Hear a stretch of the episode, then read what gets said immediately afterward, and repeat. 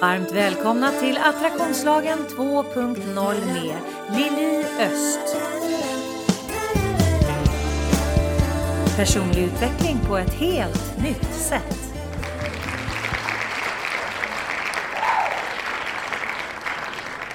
Varmt välkomna till podden. Det är Lili som sitter bakom mikrofonen och idag så är det premiär för Attraktionslagen på jobbet.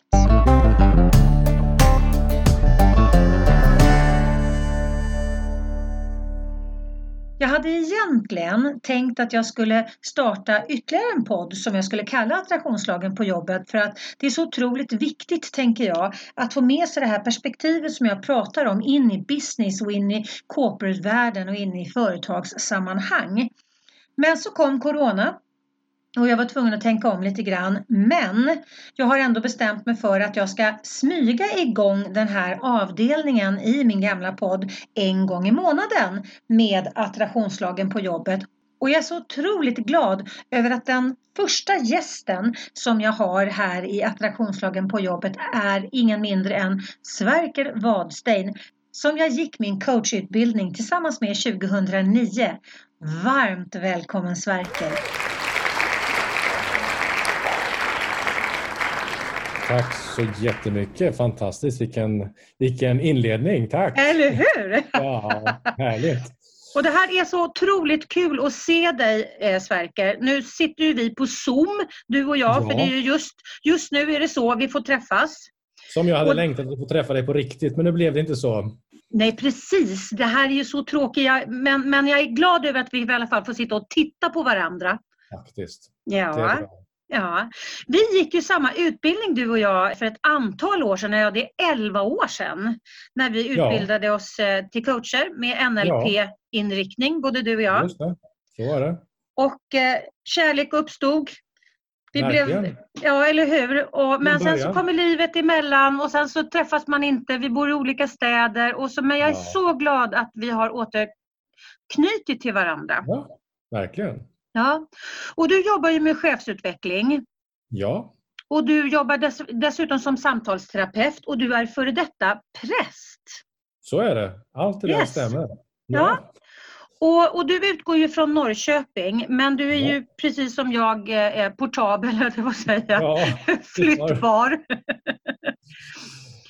men du, jag tänker så här, våran tanke idag med podden det handlar ju väldigt, väldigt mycket om att blicka inåt för mm. att kunna förhålla oss till det här som händer på utsidan även ur ett yrkesperspektiv så att säga. Mm.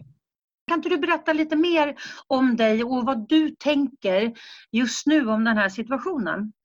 Ja, jag tänker eh, väldigt många olika saker. Jag, jag tänker att eh, Alltså den oro som vi känner är eh, ganska omöjlig att komma undan och att den faktiskt till och med är, är bra. Eh, dess funktion att vi blir oroliga därför att nu finns det anledning att vara det. Vilket då gör att vi faktiskt skärper uppmärksamheten. Jag har faktiskt lyckats med att inte hälsat i hand på någon människa till exempel. Eh, och nu börjar jag vänja mig vid det. Nej, men just, just det här med att att skärpa uppmärksamheten så att vi faktiskt kan hantera det här på ett sätt som gör att vi kommer så lindrigt undan som möjligt, som både som individer men också som grupp. Och Det är så lätt att när man sitter och pratar om personlig utveckling och, och pratar om, om, stress och oro som, som vi föder här, att, att man bara försöker hitta sätt att, att få ner den. Och det ska vi göra naturligtvis, men att, att den faktiskt har en funktion och att någonstans så får vi eh, liksom bara ta till oss det nu, att det är en tid av mycket osäkerhet och då blir vi oroliga vilket ska göra att vi skärper uppmärksamheten för att bete oss på ett sätt som hjälper både oss själva och andra. Mm.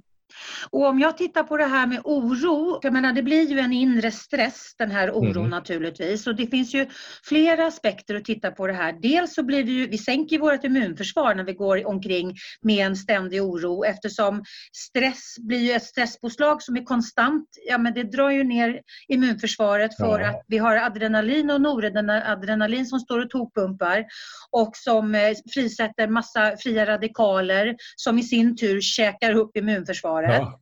Så att, att, det är ju en aspekt av stress och oro. Mm. Och, den behöver ju definitivt finnas, precis som du säger, för att vi behöver vara skärpta. Vi kan inte, liksom, vi kan inte frånse det. Nej. Men om jag tittar på det ur ett energiperspektiv, där stress, frustration och oro är väldigt lågfrekvent, så tänker jag att, och du rätta mig om jag har fel, jag tänker att vi behöver ha fönster där vi tillåter oss själva att fokusera på oron och sen så behöver vi ha fönster eller vi behöver ha långa husväggar där vi faktiskt hanterar det på ett annat sätt för att höja upp oss själva i frekvens. För att Absolut. Annars så blir liksom oron och rädslan som en, en våt filt som ligger överallt. Och då grumlar vi ju vårt sätt att tänka. Vi blir inte lika smarta när vi är i affekt till exempel. Men just energimässigt tänker jag, eh, eftersom då attraktionslagen som jag använder i min metodik, som då fungerar lika attraherar lika. Och om man då hela tiden har en känsla som är aktiv, som ligger på en låg frekvens och sänder, då blir man en magnet för att bara dra till sig massa saker som ligger på den här låga frekvensen och sänder. Och då blir det så att man, man bara skapar mer onödigt krångel. Men vi kan ju ja. inte frånse oron. Nej, Men jag precis. tror att vi det, behöver precis, förhålla oss till det. Du, um, du sa att vi ska fokusera på oron. Jag tror inte du menar det där riktigt, utan, och det är inte det jag menar heller. Utan Nej, men hantera den, förhåll oss. Det handlar om att acceptera, men jag, tycker, jag vill gärna ta, ta vid vid det här med att öppna fönster och ta den metaforen för att vi får acceptera den oro som eh, vi har. Eller, det är inte så mycket att välja på, men däremot ska vi fokusera på andra saker. Mm. Och jag brukar ta det här exemplet med, med fönster. Om man, vi sitter i varsitt hus på varsitt ställe här nu och jag gissar att ena sidan av ditt hus kanske är något vackrare utsikt än andra sidan. Oavsett vad så, så ska vi inte låtsas som att det finns en bakgård där det inte är så vackert att titta ut. Och det är det här eh, oron som vi har. Men den finns där, det vet vi, men vi behöver ju inte bosätta oss och bara titta ut genom det här fönstret utan faktiskt gå till motsatt sida av huset, öppna det här fönstret och se att där kanske det är en en trädgård, det kanske till och med finns lite vatten, det kanske finns någonting vackert att titta på. Och Det handlar inte om att låtsas som att det negativa inte finns, men även om jag i grunden känner mig inte helt tillfreds så mår jag väldigt mycket bättre om jag väljer att titta på den vackra sidan eller eh, väljer att titta på den vackra utsikten från min utgångspunkt. Mm. Så där har vi ett väldigt tydligt val att vända oron ryggen. Inte att nonchalera den eller låtsas att den inte finns. För det, det förmår vi inte, det, det funkar inte. Det, det, den finns där. Men att då titta på det som är lite vackrare, fokusera på andra saker. Mm. Väldigt bra eh. metafor. Ja, den, den, är, den är väldigt bra. Jag brukar, jag brukar ta den när jag, när jag samtalar med människor och jag har förmånen att sitta med en Eh, Norrköpings mest välskötta park eh, utanför mig där, där, där det är vackert både på vintern och våren och sommaren och särskilt på, på vår och höst och sommar och så. Med mycket blommor och jag brukar visa människor, titta ut här. När jag ser på dig, säger jag till den här människan, så ser jag att det finns så mycket vackert, precis som den här parken. Sen om man skulle då gå till andra sidan av mitt hus, då finns det en bakgård där det knappt kommer in något ljus. Och den finns ju där också. Mm. Men vi behöver ju inte vara där, bosätta oss där och se som om det vore hela livet. Den finns där. Bakgården tråkig, det är grus på, det finns nästan inget ljus där. Men parken finns där och eh, det är lite grann samma sak nu då att faktiskt eh, välja vilket fönster eh, ska du spendera mest tid vid. Mm. Och är det någon gång som det är viktigt att välja så är det ju när vi är i full kris. För då blir det så påtagligt vad det är vi väljer. Ja, det är ju nu vi, prövas på det mm. sättet. Mm. det, är ju, det är ju ganska lätt att prata om personlig utveckling lätt är det kanske aldrig, men det är lättare i alla fall att prata om personlig utveckling när det är frid och harmoni och solen skiner. Men det är svårare om man tänker sig som nu då när det faktiskt är riktigt ruggigt och, och, och det är en storm som eh, finns där och kanske kommer till och med. Men det blir ju desto viktigare för det är nu nu är det helt avgörande för hur jag ska faktiskt klara mig igenom den här krisen.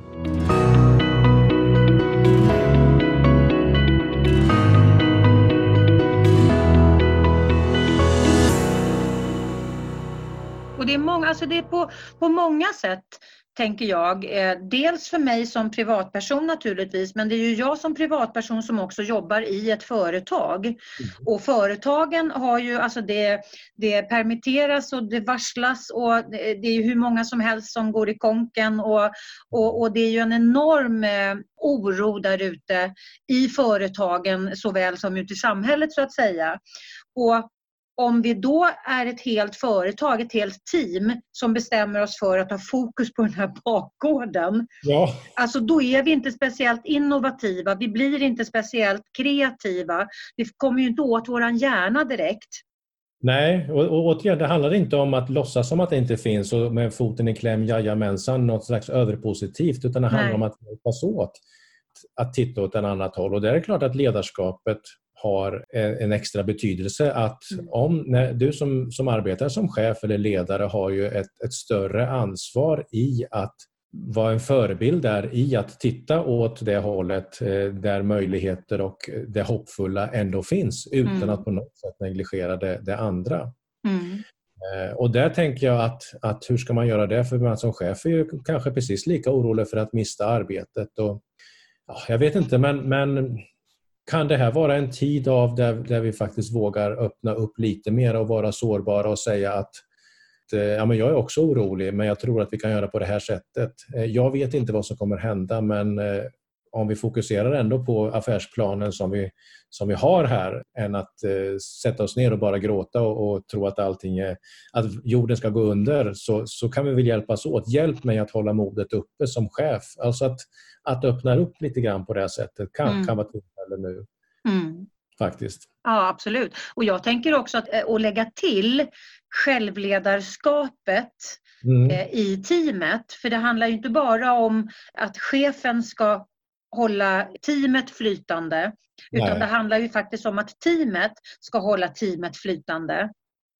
Verkligen, och jag brukar ju mm. säga så här när jag är ute och jobbar med, med arbetsgrupper där ibland ledarskapet har fallerat så brukar jag säga så här att ju sämre chef du har desto större Eh, krav blir det på dig själv och att göra någonting bra av det. Så länge du väljer att gå till det här arbetet så, så om ledarskapet fallerar, vilket det ju faktiskt gör allt för oftast, mm. ja, då blir det självledarskapet väldigt mycket, mycket större. Så att eh, man kommer ju inte undan på något sätt. Nej. Nej, och jag tänker att nu i synnerhet, alltså överhuvudtaget, personutveckling i allmänhet. Alltså jag är ju precis som du är en toknörd när det gäller personlig utveckling. Det är därför jag jobbar med det jag gör. Men personlig utveckling i allmänhet, men nu är i synnerhet verkligen, så är det ju så viktigt att blicka inåt för att hitta sitt eget varför, för att hitta sitt eget syfte, för att titta på, okej, okay, vad är det som funkar i mitt sätt att hantera relationer, situationer. Vad är det för någonting som inte funkar? Vad är det jag behöver skruva på? Vad är mina behov och vad behöver jag, vad behöver jag jacka upp någonstans för att kunna möta den här X2000 farten som allting förändras i just nu. För ja. att om inte jag hittar min mittpunkt så är det väldigt svårt för mig att förhålla mig till det här som bara rusar runt omkring oss nu. Verkligen. Och där finns det ju lite, lite tröst ändå i eh, andra kriser i historien och hur faktiskt människor ändå har klarat det. Eh, att vi har en väldigt stark överlevnadsinstinkt som gör att trots att det går så här fort och att det kommer få konsekvenser som inte är överblickbara så är vi i grunden otroligt starka som människor och har förmåga att förändra oss och anpassa oss eh, till det här. Och Det tror jag kan vara viktigt att påminna oss om nu när, när vi lever i så totalt oförutsägbart. Jag tänker på det när vi sitter och spelar in det här och det ska spelas upp om några dagar eller någon vecka kanske. Vad har hänt då? Mm. liksom. Då kanske det här känns inaktuellt eller eh, så. Det, men, men vi har förmåga att kunna möta väldigt stora förändringar. Sen har inte någon av oss varit med om det här tidigare och därför så, så, är det ju så. så svårt att, att veta hur man ska förhålla sig. Mm. Och det är därför jag tänker också att det är så viktigt att hitta sin egen mittpunkt. För att ja. oavsett vad som händer utanför mig så måste jag veta vad har jag mig själv i det här. Där tror jag det handlar väldigt mycket om att acceptera den man är i sin genetiska kod. För att mm. både du och jag jobbar med personlig utveckling, det vill säga det som vi kan påverka, att jobba, ändra beteenden, jobba med tankemönster, hjälpa människor att lyfta bort skuld som, som, som, som är bara konstruerad. Samtidigt så vet vi ju att man brukar säga 50% styrs vi liksom av den genetiska kod vi har och en del av oss är mer oroliga än andra medan andra har begåvats med lite mindre oro oavsett vad som händer. Och är jag en människa som är mer orolig för att jag är en sån, ja men då kanske jag måste acceptera att jag får älta lite mer. Mina människor i min närhet behöver stå ut med att, att jag ältar och frågar om och, och så. Och att så här är det för mig.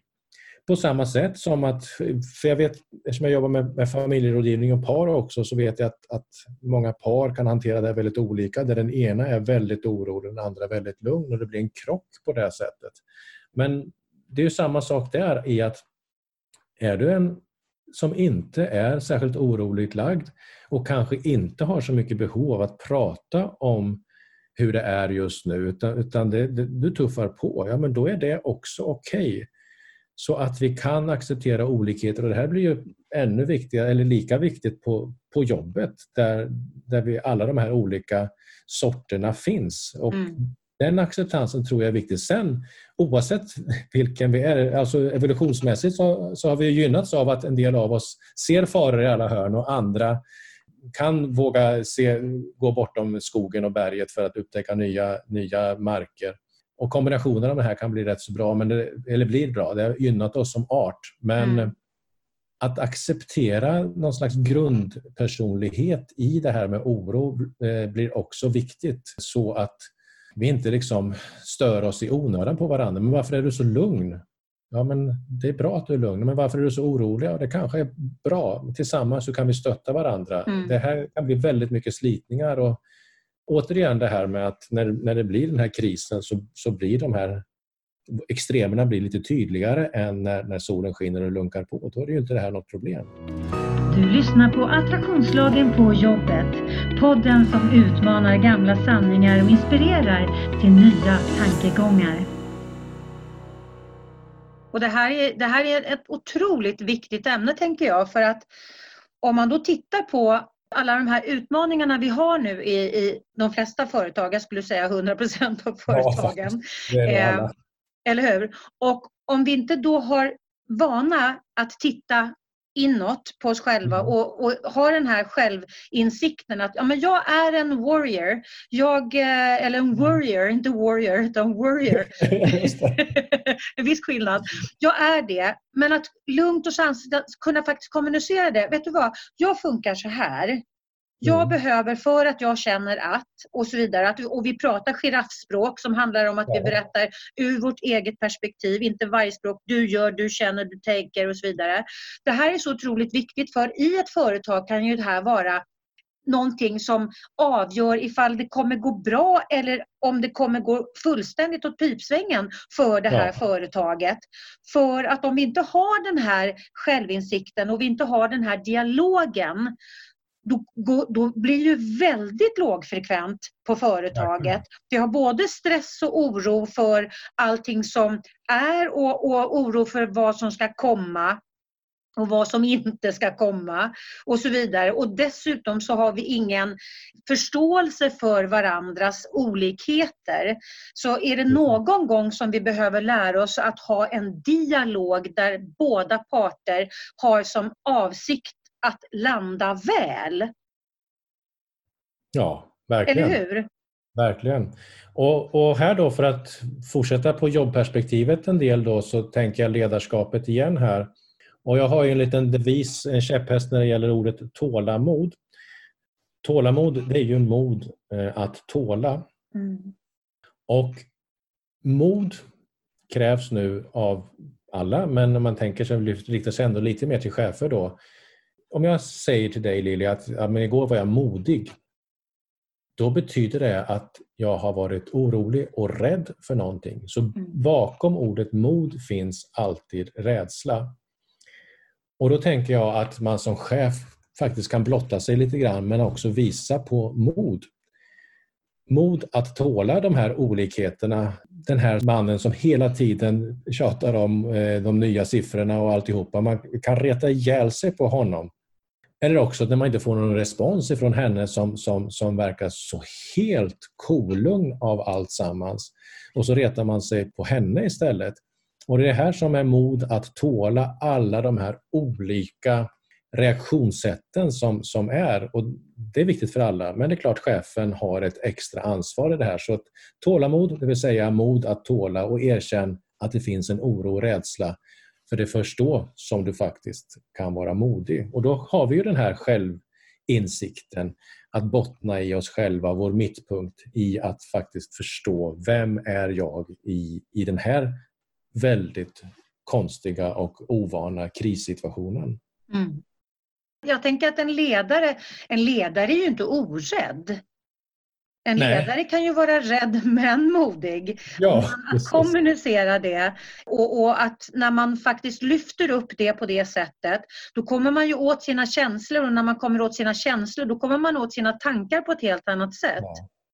För att det är så mycket eh, vad ska man säga, det är så mycket saker som håller oss tillbaka när vi ska hålla skenet uppe. Ja, Keep, keeping up appearances tar så enormt mycket kraft. Mm. Istället för att levla liksom och tala om, alltså, inte bara levla i frekvens utan också Nej. vara tydlig och klar och, och mänsklig tänker jag i den här situationen. För att jag tänker att alla ledare som kan identifiera sig själv med någon annans rädsla kan ju vara en, en starkare ledare. Ja, verkligen. Och Man brukar ju säga ibland lite slarvigt att kriser för oss samman, eh, men det gör det inte med någon automatik. Nej. Eh, det som snarare kan hända är att kriser splittrar för att man förmår inte. Men gör man rätt saker Eh, och hjälps åt i en sån här situation så kan man ju faktiskt komma närmare att det här teamet som inte har fungerat jättebra Tänk om, om den här situationen kan göra att vi faktiskt vågar öppna upp och se vad som är viktigt och att jag kanske inte behöver störa mig på, på henne eller på honom utan att hitta vägar framåt. Och är man, är man modig här som, som ledare och vågar vara trygg eh, men vara öppen med den otrygghet som finns, då finns det faktiskt förutsättningar att eh, man kan bli starkare tillsammans och klara de här väldigt svåra utmaningarna och eh, förändringarna som kommer ju bli i att alla kanske vet att ja, vi är tio personer på den här avdelningen på den här arbetsplatsen.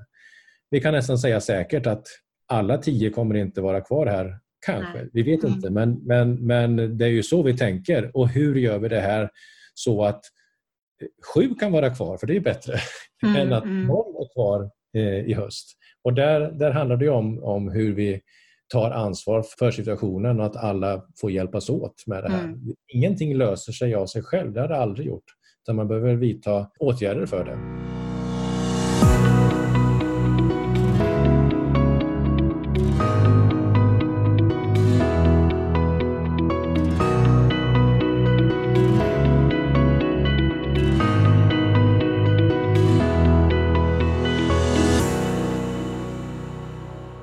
Inte bara vidta åtgärder utan välja, bestämma sig för hur ska jag förhålla mig till det som är.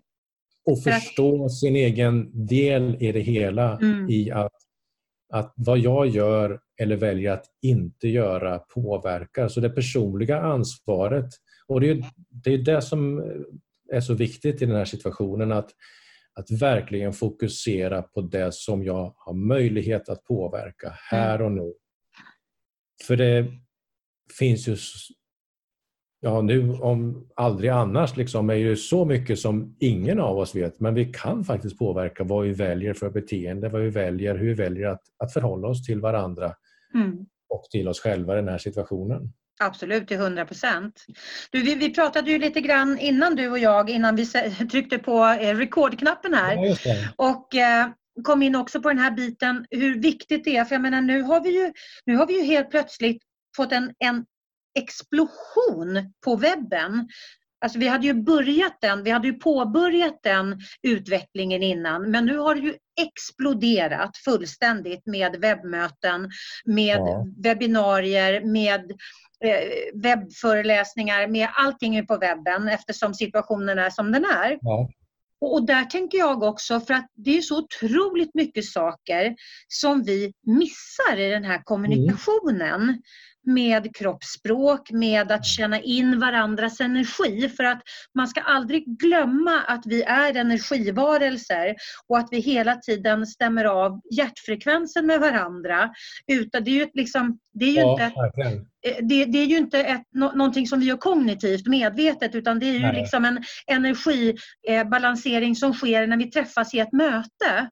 Ja, hur vi speglar varandra, rör oss ja. på samma sätt. Kliar någon sig i ansiktet så kliar jag mig i ansiktet. Precis, att man skapar rappå som det kallas då. då. Ja. Och det här försvinner ju i mångt och mycket nu när vi har förflyttat hela vår relationsbit till webben. Mm. Och här tänker jag, här kommer, ju, här kommer det bli en, en baksmälla. För att om inte vi är uppmärksamma lyssnare så kommer vi missa så mycket information som är avgörande för att vi ska landa väl. Verkligen, och du, du sätter ju fingret på precis det som jag, det som jag tänker på när, när, när vi pratar om, om det här. Att vi ska alltid lyssna på varandra, men nu blir det ju verkligen orden, innehållet, nyansen i det vi säger. Och dessutom så blir det viktigare att, att tala till punkt. För även om vi ska försöka ha ett samtal och vi har avbrutit varandra lite grann, du och jag, så, så hade vi setts live så hade det nog varit lite mer fram och tillbaka. Det blir lite längre inlägg här nu. Men, och det blir ju ett tillfälle att då faktiskt träna sig i att lyssna färdigt och att en i taget pratar. Så vi får ju någonting annat, om man nu ska se det positiva i det här, så kan vi få någonting annat med det här att träna upp oss i vad och hur säger du saker? Vad finns det för nyans? Vad är det jag hör i rösten? Är det en, en säkerhet? Är det ett tvivel? Är det en osäkerhet? Så vi kommer få träna på ett annat sätt eh, och vara mer skärpta. Mm. Det kommer bli lite mer effektivt kanske, eventuellt. Ja, eh, men, men det kommer ju också kosta väldigt mycket eftersom vi behöver, börja, vi behöver bli medvetna och nyfikna om, om nya saker att läsa. Ja. Eh, det är som, som eh, vi har hört några studier som visar det här med att man tar botox i pannan till exempel så att inte våran eller man tar ja, botox det, överhuvudtaget i ansiktet. Hela tiden. Vad sa du? Ja, man ser förvånad ut hela tiden. När man har ja, liksom och man ser likadan ut hela tiden. Eh, ja. Och, och, små barn, de, kan ju, alltså de, de lär ju sig genom att titta på våra, våran liksom mimik och våran plastik i ansiktet. Vad som händer och hur, de liksom, hur vi formar munnen och, och hur vi liksom jobbar med pannan och så vidare. Och så helt plötsligt så tittar de på mamma eh, och pappa, oftast mammor då, då som, som inte liksom, det händer ingenting i ansiktet Nej. på dem. Och, och det här har alltså visat sig vara en problematik. Ja, verkligen. Eh, och, och, och, om jag tänker på det då, då ur det här perspektivet, att om vi då inte är, vi kan inte plocka upp den här hjärtfrekvensen, vi kan inte plocka upp våran, eh, den här känslan som man får när man är i ett fysiskt möte. Man, man kanske inte får med sig, du och jag sitter ju nu bara med varsin bild, så vi ser varandras huvud. Du ja, har ingen precis. aning om min kroppsställning. Nej. Så det är så mycket saker, du har ingen aning om jag helt plötsligt liksom lägger, alltså börjar korsa armar och ben. Det, det blir ju ett väldigt stängt kroppsspråk. Hade jag ja. suttit med dig i, i lokalen då hade jag ju liksom sett, okej, okay, nu börjar det här bli obekvämt på något vänster. Precis. Så att nu stänger den här personen igen i ja. informationsintaget här. Så att jag tänker att vi behöver hitta ett sätt att förhålla oss till Ja, men jag, jag tänker, jag, jag, landar ofta där när jag pratar relationer i, i allmänhet, att vi behöver ha en, en vilja att landa väl. Ja, Fast jag tror ju ändå, eh, nu finns det ju en teknikutveckling och det här, när vi sitter med varandra och pratar så funkar det ju bättre än vad det hade gjort för fem år sedan. Absolut. Eh, så, men, och det kommer funka bättre snart men jag hoppas väl ändå någonstans att det är en, en paus och vi, klart vi ska använda de här och att man inte ska åka, och, åka bil och, och flyga till varandra så mycket om man inte behöver men, men i grunden är vi sociala varelser mm. och vi behöver vara nära varandra och vi behöver bli tagna på. Även om jag sa förut att vi har vant mig vid att inte hälsa på andra med hand här nu så är det ju ändå ett det sker någonting eller det saknas någon. Jag träffar en ny människa för samtal och jag tar inte honom eller henne i hand. Det blir ett litet avstånd på något sätt. Så att eh, vi behöver fysiskt röra vid varandra och se varandra och eh, känna varandras andetag på ett annat sätt. Mm. Eh, så att det kommer tillbaka och eh, jag må låta eh, reaktionär men jag tror aldrig att att sådana här möten någonsin kommer kunna ersätta och att vi kan jobba på det här sättet även hur, hur bra videoupptagning vi än har utan att fysisk kontakt, att hälsa på varandra eller att om man har en närmare relation ge varandra en kram när man hälsar. Mm. Eller när man sitter i ett möte och det kanske kommer mycket känslor. Det behöver inte vara i ett terapeutiskt möte, det kan ju vara i ett arbetsmöte nu också liksom, där, där, där man faktiskt kan få, få lägga handen på, på axeln eller någonting. Så att ehm, det är, eh, hoppas jag, ett undantagstillstånd här nu där vi får hitta nya vägar och förbättra dem och se att det funkar hyfsat men, men sen kommer vi tillbaka till att, att eh, har vi möjlighet du och jag att ses eh, när vi gör en podd i höst igen då kommer vi ju vara jättepeppade på att ses, mm. eller hur? Mm, absolut. Eh, och det här hoppas jag blir bra nog men, men kvaliteten är lite sämre. Eh, och då handlar det inte bara om ljudkvaliteten utan det handlar om, om interaktionen, energin i det här mm. samtalet är inte riktigt lika på samma sätt som det hade varit om du och jag hade sett som vi hade tänkt idag. Och det får vi ha med oss och det här är gott nog. Eh, det är fantastiskt att vi kan göra det här. Mm. Eh, att vi kan hålla vår relation, eller relationer vid liv på det här sättet. Men, mm. men jag ser fram emot och jag tror ja, när, när vi faktiskt kan ses och mötas igen i både mindre och större grupper, att det har betydelse.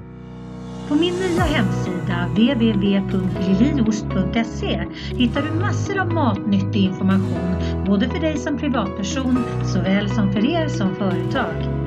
Du hittar mina onlinekurser och vad som är på gång och aktuellt just nu. Du kan köpa mina böcker signerade direkt ifrån mig och du hittar min musik, bland annat vignettmusiken till podden.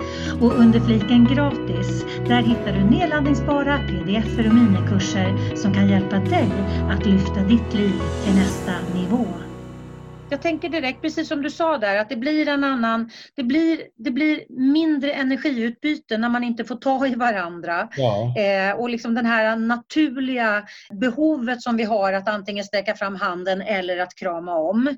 Ja, du och jag hade ju kramats om vi hade setts nu ja. och då hade vi bytt ut, eh, startat på det sättet mm.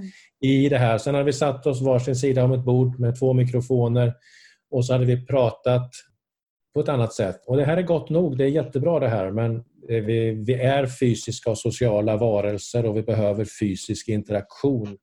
Eh, och Det kommer vara så länge som mänskliga arten existerar. Det är jag mm. helt övertygad om. Ja, men det, det, det, håller jag med dig till 100 procent. Men jag tänker att ändå, om du tänker nu att, att i företagen då, vad händer liksom med, om jag tittar på det här ur ett energiperspektiv igen, eftersom det blir ju en ackumulerad energieffekt när mm. vi är tillsammans. Och den försvinner när vi inte ja. är tillsammans.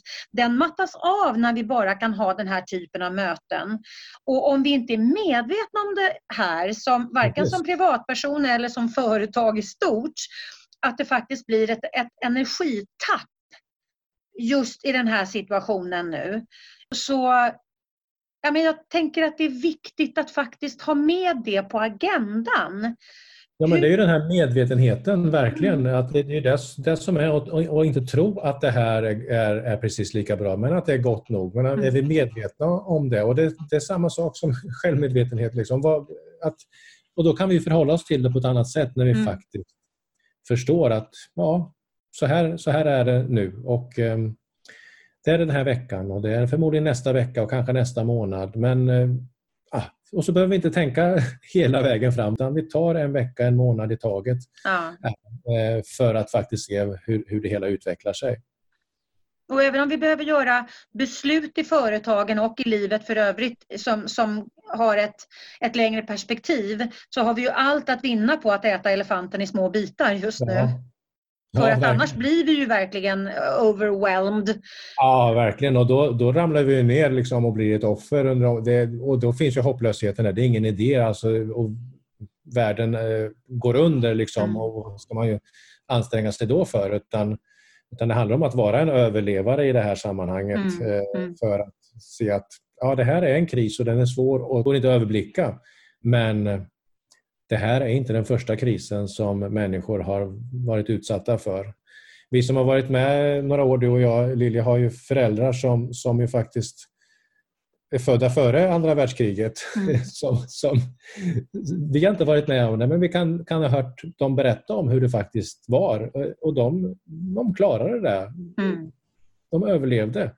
Min pappa som inte lever längre, han var, ton, han var, han var 13 när, när andra världskriget utbröt.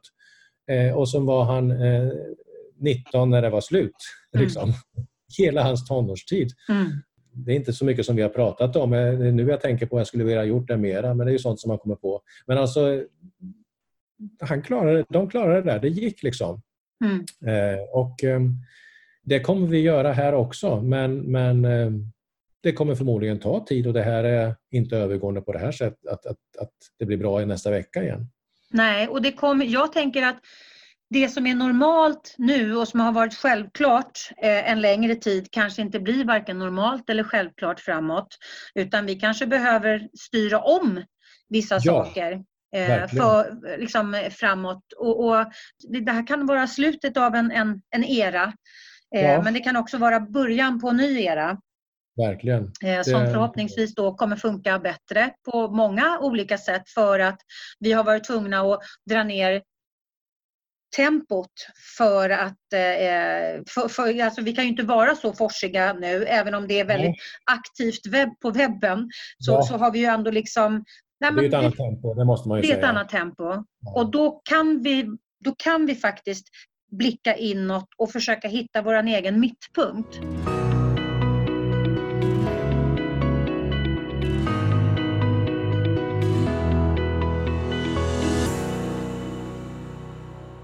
Jag, jag skulle vilja ta upp en sak. Det börjar ju dra, tyvärr är det ju Ja. så att när man har det trevligt så går tiden Ja. väldigt fort. Eh, Men jag skulle gärna vilja prata, med tanke på att du är ju även samtalsterapeut. Ja. Och jag tänker i alla de här företagen där människor jobbar nu.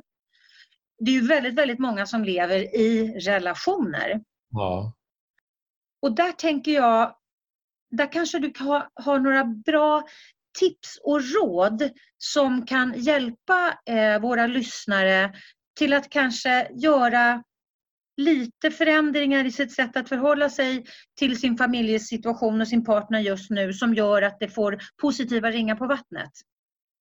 Ja, det finns flera saker. Jag, jag tänkte på en sak här nu utifrån ett samtal jag hade häromdagen som är väldigt djup och utmanande. Men, men det här kan ju vara tillfället då man själv tar initiativet till försoning. Till exempel man som pappa inte har en bra relation till sitt vuxna barn. Det är dags att ta initiativet. Man vet inte hur länge vi har varandra. Jag tänker på mer krångligheter i det jag möter. Syskon som är, jag tänker vuxna syskon nu alltså, som är osams.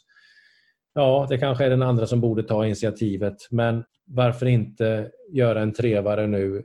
För att ett sätt att hantera en sån här kris är ju att inte fokusera på där man inte har någon påverkan eller oron, utan på det man kan göra och där att faktiskt våga ta steget till försoning med någon som man inte har en relation till. Vi vet inte hur länge vi har varandra. Det, det, det är de här riktigt eh, djuplodande och svåra sakerna. Men, men om vi tittar lite mer på par och eh, hur man har i kärleksrelationen och så. Ja, det finns väl lite olika rön. Jag har hört att BB planerar för en babyboom till jul faktiskt. Mm. Men nu när man har lite mer tid, varför inte ta tid att sortera korten från mobilen? Och nu har vi haft sån här eh, mobilkameror så länge så att många har ju kort ifrån början av sin relation som är tio år tillbaka i tiden. Varför inte passa på nu när man kanske är hemma båda delarna och när man har jobbat färdigt klockan tre på dagen och barnen gör någonting annat. Att göra en fotobok tillsammans mm. av de kort man har så man ser vad är, vad är vår historia. Mm. Och sen andra sådana här självklara tips är ju den fysiska aktiviteten. Det är ju tur att vi inte är som i andra länder att vi är förbjudna att gå ut. För att det är verkligen viktigt att röra på sig. Och varför inte ta långa promenader eh, tillsammans. Mm. Eh, där man kan prata, där man kan vara tyst. Men mm. att man rör sig och gör någonting tillsammans. Det är, kan tyckas banala ja, det här med försoning var inte banalt, det här kan tyckas banalt, men, men det enkla, liksom, vad är det vi har tillsammans? Varför lever vi tillsammans? Vem är jag? Var är vi nu någonstans? Och mm. återigen det här med att ingenting löser sig och det är inte säkert att man förs samman av kriser, men det finns förutsättningar att det här kan vara ett tillfälle då faktiskt relationen hemma kan fördjupas och utvecklas när mm. vi inte gör samma saker. Vi springer inte lika bråttom till jobbet. Det är inte lämna och hämta på förskolan på samma sätt. Det är klart att barnen är kanske mer omkring oss om vi nu har småbarn. Men ta tillfället att göra någonting annorlunda som du inte fick tid till förut när, när, när tempot var så uppskruvat. Mm. Återinstallera det goda samtalet för ja. att man är intresserad av den andra, tänker jag. Verkligen. Mm. Och att det faktiskt kan ta vara på den här tiden eh, i att självklart prata om hur, hur känns oron idag? Vilka nya rön finns det om, om smittspridning och, och så vidare.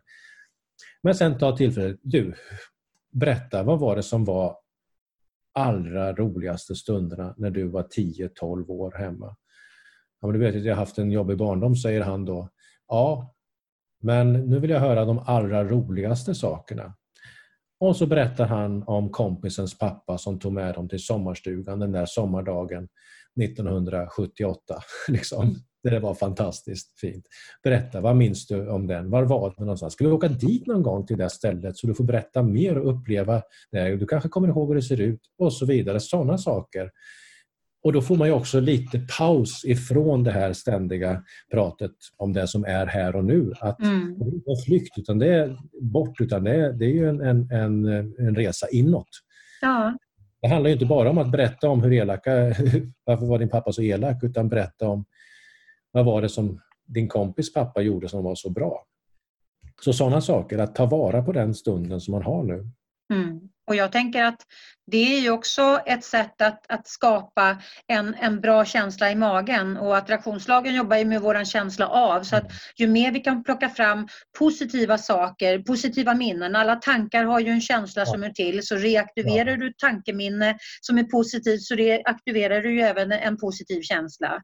Verkligen, och, och, den känslan ligger då på en högre frekvens och sänder och då kan du balansera upp den här äh, låga frekvensen med oro och stress och så vidare för att inte vara liksom nere och, och ligga energimässigt i katakomberna hela tiden och bara dra till det ännu Nej, precis. mer. Det är just det här att, att gå till, till rummet med den vackra utsikten och öppna ja. fönstret där, däråt eh, utan att låtsas som att inte källaren eller det andra fönstret finns. Den, den är kvar och den kan behöva ordnas och fixas med men, men att lyfta blicken eh, tillsammans och mm. hjälpas åt med det.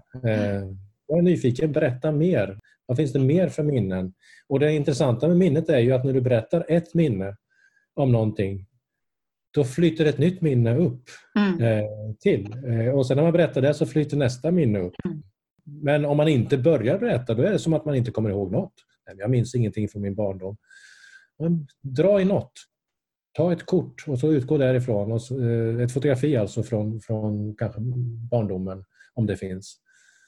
Och sen så tar man någonting på det. Då lär man ju känna varandra mer. Jag menar, mm. man kanske har levt tillsammans i, i tio år men, men det finns saker som man inte vet om varandra. Passa på att berätta. Behöver du hjälp med att sortera i ditt liv? Kontakta mig på www.liliost.se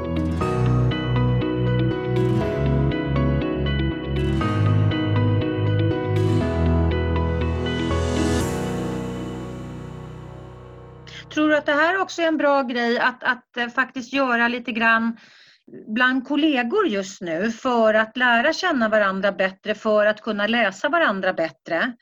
Att man lägger sig vinn att faktiskt, eh, ja, att faktiskt lära känna varandra på ett mer personligt plan under den här perioden för att, att, kunna, eh, för att kunna relatera till varandra på ett annat sätt. Ja, det tror jag. Absolut. Ehm, det är ju inte omöjligt att, att tempot, om man nu är på jobbet och är tillsammans, eh, att tempot är mindre av olika skäl. Och istället för att alla då ska sitta med sin telefon och läsa om senaste coronarapporten, eh, att komma överens om att, att man går runt och berättar någonting. Mm. Jag, det här kanske man inte ska göra på jobbet, men jag har ju en, en väldigt bra eh, sällskapslek som jag brukar göra när jag har grupper som är nya för varandra, men det här funkar bra även om man känner varandra. Att man ska berätta tre saker om sig själv. Två av dem är sanna och så hittar man på en tredje. Och sen ska de andra gissa vilka, vilka som är sanna och vilken som är, vilka två som är sanna och vilken som är, är lögn. Eh, och Det är så fantastiskt roligt när man gör det där för folk har varit med om så dråpliga saker och det är ofta svårt att gissa det, det, det är ett tips i sammanhanget och man kan, kan till och med göra det i en vänkrets. Det är klart, har man varit tillsammans sedan när man var barn eh, och i samma gäng, då, då kan det nog vara svårt. Men, men eh, det är en rätt så rolig twist på det där. Två saker du har varit med om, en sak som eh, är lögn och ingenting annat, men berättade. Och det kan ju vara långa berättelser, men det kan vara små eller korta inslag. Men man lär känna varandra. För ofta så gissar man fel och så berättar man Jaha, så du hjälpte verkligen. Det var en som berättade om hur, hur han blev stoppad på gatan eh, och hjälpte till med en förlossning liksom, i en liten by. Så, det, bara, det bara hände. Bilen stannade där. Föraren sprang ut. Min, min fru ska föda barn. Hjälp till! och så hjälpte han till där. Ja, det var helt osannolikt. Men självklart hade den hänt. liksom. Gud, det är helt fantastiskt. Så det är ett sätt att lära känna varandra på ett kanske lite lek, lekfullt sätt som gör att det inte behöver bli, bli att, att, ja, lite roligare så att man inte känner samma press kanske. Det tycker jag var ett fantastiskt bra tips ja. att eh, implementera i företaget, ja. i teamet ja. nu under den här perioden och definitivt fortsätta för det här är ju jättehärligt. Jag träffar, träffar ledningsgrupper och då brukar det vara ganska lagom antal för de brukar vara en, en, en sex stycken, kanske sju i, i en ledningsgrupp. Så är man ute och har en hel dag kanske och sen så sitter man och äter middag tillsammans på kvällen.